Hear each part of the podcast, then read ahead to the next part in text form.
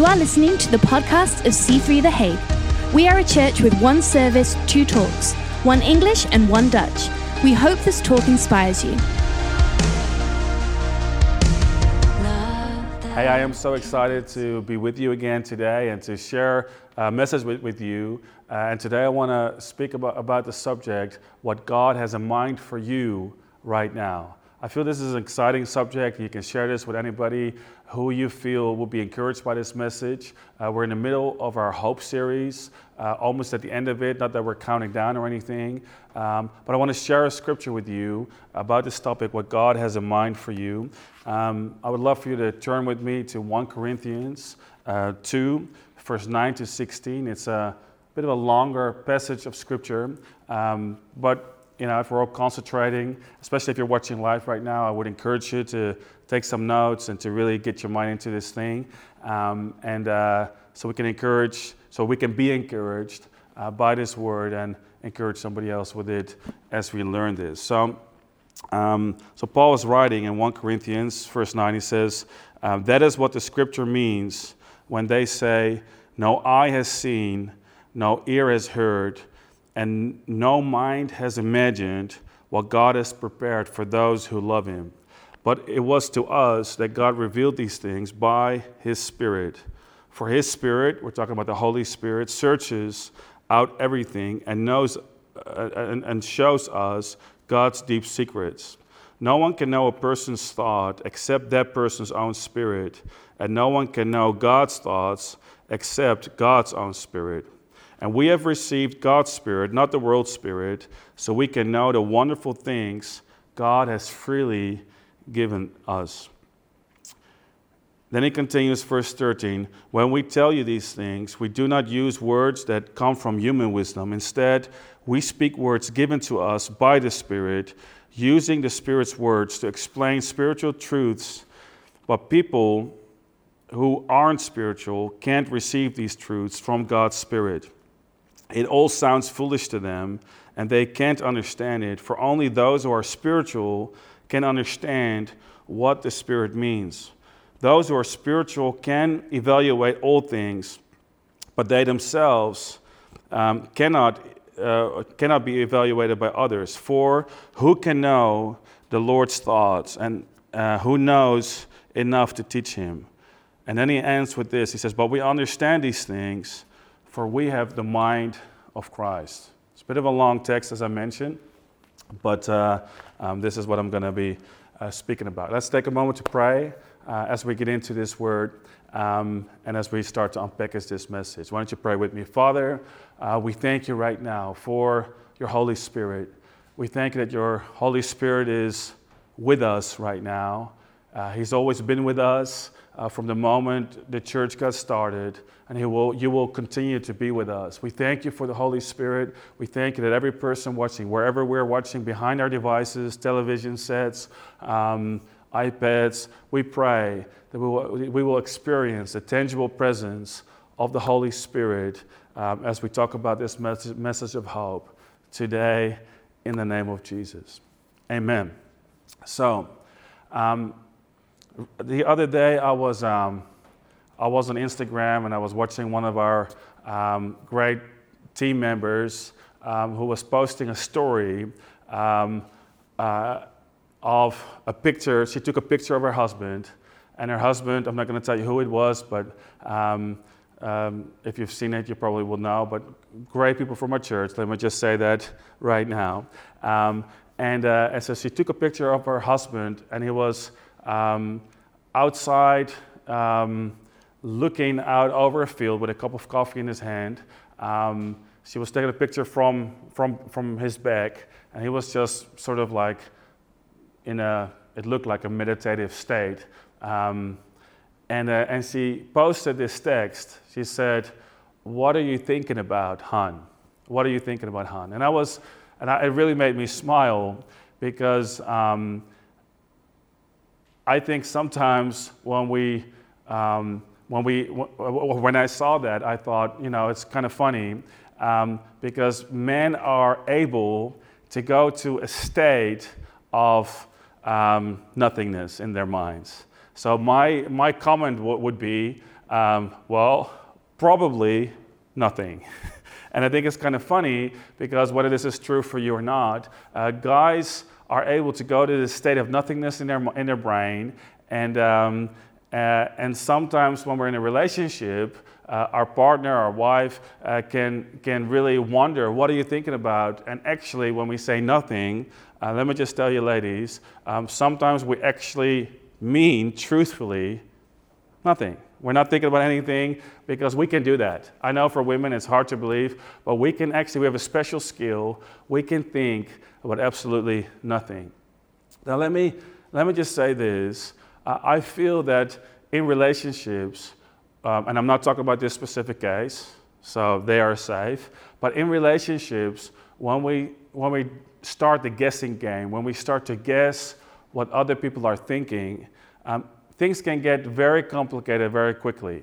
Because to be quite honest, we're not always, actually, we're mostly not able to interpret what other people are thinking without them communicating what they are thinking, right? Can I get an amen from uh, anybody in the comments right now? We're, we're not able to, to really articulate what other people are thinking.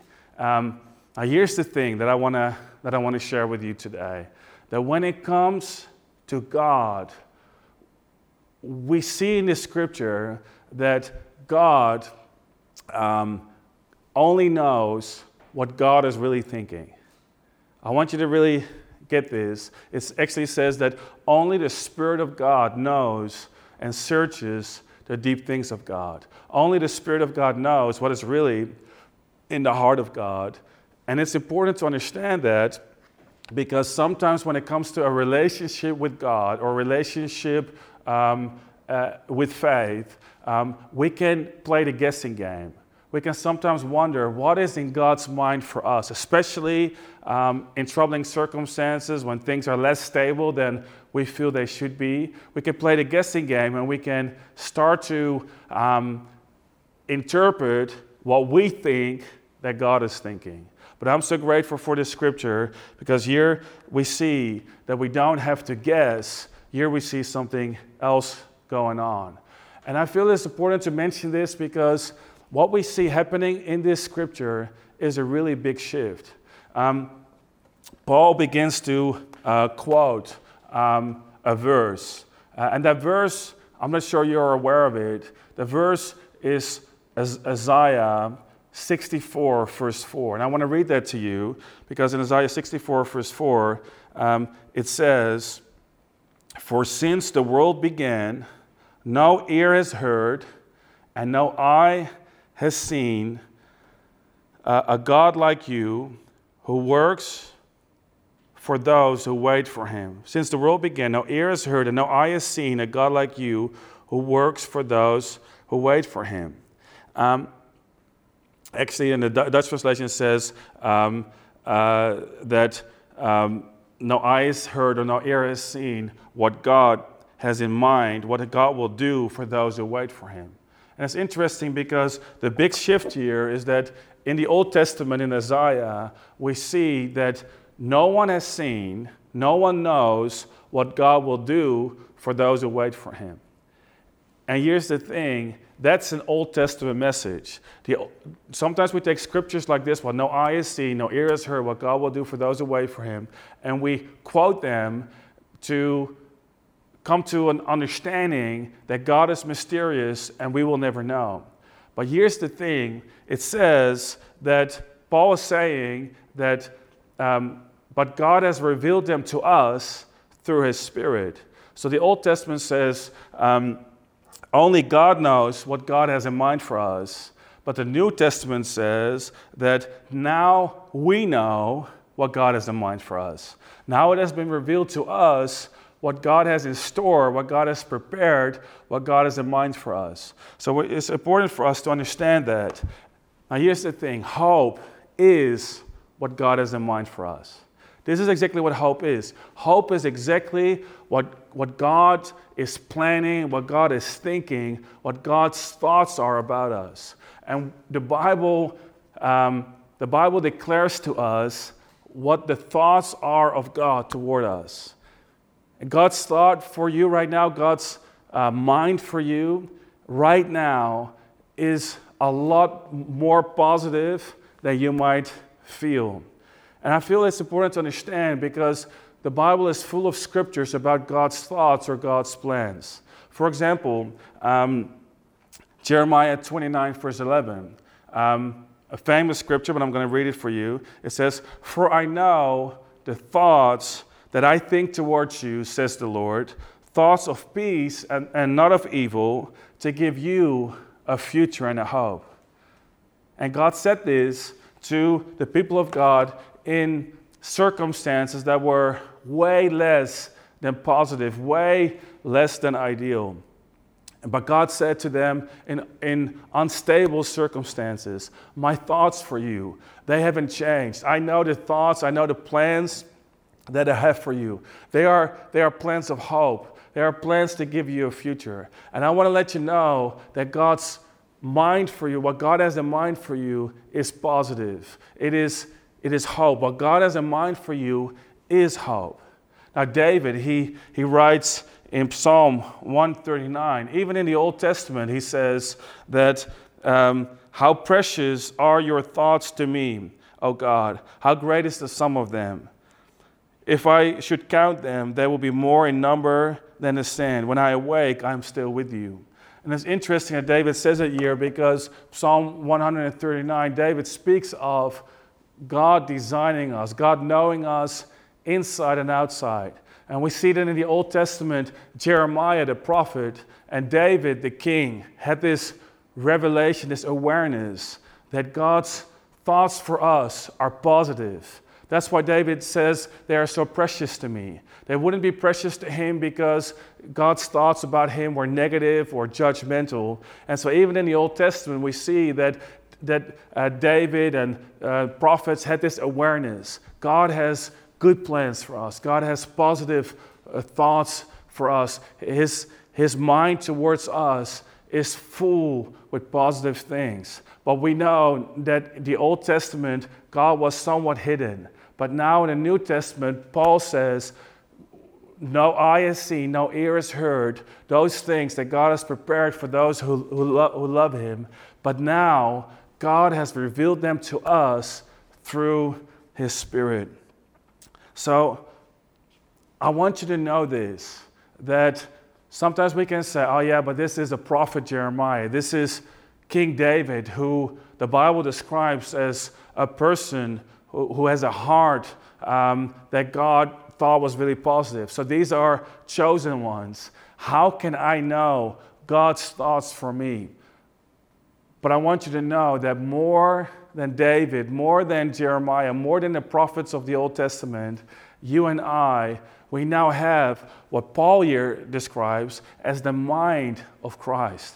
What is the mind of Christ? Well, well, to start with, it means that we have God's perspective on us, God's perspective on how He looks toward us, what He has in mind for us. Now, the question that, we, that we're going to have very likely is how can I grow in awareness of God's mind for me? Maybe, maybe you can feel that your circumstances can sort of twist your thinking a little bit and they can, they can make um, they can manage your expectations, bring your expectations down, and you can start to have the feeling okay, so God's plans for me, God's thoughts toward me are, are less positive than, than I can read in the Bible. And I want to tell you this that Paul here gives us the way in which we can grow in understanding, in, in coming to an awareness of what God has in mind for us. He says, we, basically, he says that we cannot get um, an increased awareness of God's mind for us just by studying. Now, studying the Bible and studying what God thinks about us is important, but he says we cannot just learn these things from a natural perspective. He's, he basically says this hope, because what God has in mind for us is our hope, this hope is not a natural thing, it is a spiritual thing.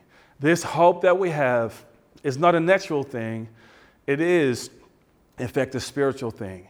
He says, Who can know the thoughts of a man except the spirit of a man? Who can know the thoughts of God except the Spirit of God? And how can we come to an awareness of what God has in mind for us unless God translates these things to us through His Spirit? So let me just say this, um, and I hope this is, this is encouraging to you that um, when we experience God, um, let me just say this we experience hope when we experience the presence of God. We experience hope when we experience the presence of God. Now, I'm not saying that you don't have any hope when you don't have an experience, but I can tell you this that the worship that we were just singing or the, the, the feeling that we have when we pray, we can start to get this awareness of the presence of God. See, David was aware not just of the existence of God, but he was aware of the presence of God. He had a relationship with God. And when we begin to become aware that God is with us, that God is present in our lives, we become aware of hope. I would go as far as to say that the feeling of hope is the feeling that we get from the presence of God. Now, again, we're not saying that if you don't feel this right now, you don't have any hope, because the hope that you have is a deeper thing. But I feel it is so important to understand that the Spirit of God is the presence of God with us right now. And Paul says, Who can know, again, who can know the, the things that is going on in the mind of a man or a woman except the Spirit that is in the man or a woman? And so God has given us His Spirit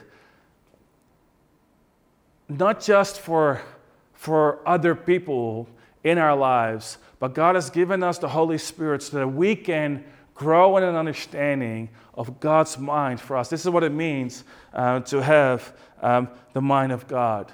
The Holy Spirit is not a particular style of doing church. The Holy Spirit um, is not necessarily uh, based on the style of music that we sing as a church. It, it's not based on the type of preaching that we do. The Holy Spirit is the person of God the presence of God in our lives. And as we become more aware of His presence in our world, we will become more aware of the hope that we have uh, in Him. So, only God knows is the perspective of the Old Testament. But now, the perspective of the New Testament is that we know because we have God, the Holy Spirit, in our lives. Let me just let me just read this to you Romans 8, verse 16 and, um, and 17. Just to build on this thought that the Holy Spirit communicates with us what is in the mind of God for us. It says, The Spirit Himself testifies with our spirit that we are God's children. Now, if we are God's children, then we are heirs, heirs of God, and co heirs with Christ, if indeed we share in His suffering in order that we may also share in his glory. So here we see again that the Holy Spirit communicates, testifies with our spirit who we are um, in God's mind. And he says that the Holy Spirit gives us this awareness, this, this inborn awareness that we are God's children, not just children, but heirs, that we are um, that we have authority in Him, that we have acceptance. And I feel it's so important to, to, for you to understand that there is an, an awareness that we can have that is, that is not just in our mind, uh, it, is, it is spirit, God's spirit to our spirit. And you and I, we need to learn to live not just from our mind, but from our spirit. It doesn't mean that we go completely crazy. It doesn't mean that we just do stupid stuff. Um, but it means that there is a, an assurance. It means that there is um, a hope that is solid in the inside of us, that we know who we are. And Paul says we can only, the natural man doesn't get this. And there's parts, there, there's aspects to us that we, we still have rational thinking. And so there's still aspects in me that, that sometimes I'm like, I'm, I'm struggling. There's a struggle going on because I know things that, I'm, that I struggle to process. But what, we, what is important for me to do is, is, is I need to upgrade my software, I need to upgrade my operation system, my OS, to, to the new hardware that God has installed in me. And, and as I do that, um, which is, by the way, my thinking, as I, as I renew my thinking on what God is saying through the Holy Spirit, as I'm renewed, the Bible says, in the spirit of our minds, we start to come to a new realization and we, and we, we start to get on top of that struggle that's going on because the natural man doesn't receive the things of God, but the spirit, the spirit does. And you and I, we have a spirit, and the Holy Spirit is testifying with our spirit. No wonder that Paul says in Philippians 4, verse 7, that there is a peace of God that surpasses all understanding. See, there is a peace of God, there is, a, there is an awareness of hope in your life that goes deeper, um, that is more solid and more stable than, than, than your thinking.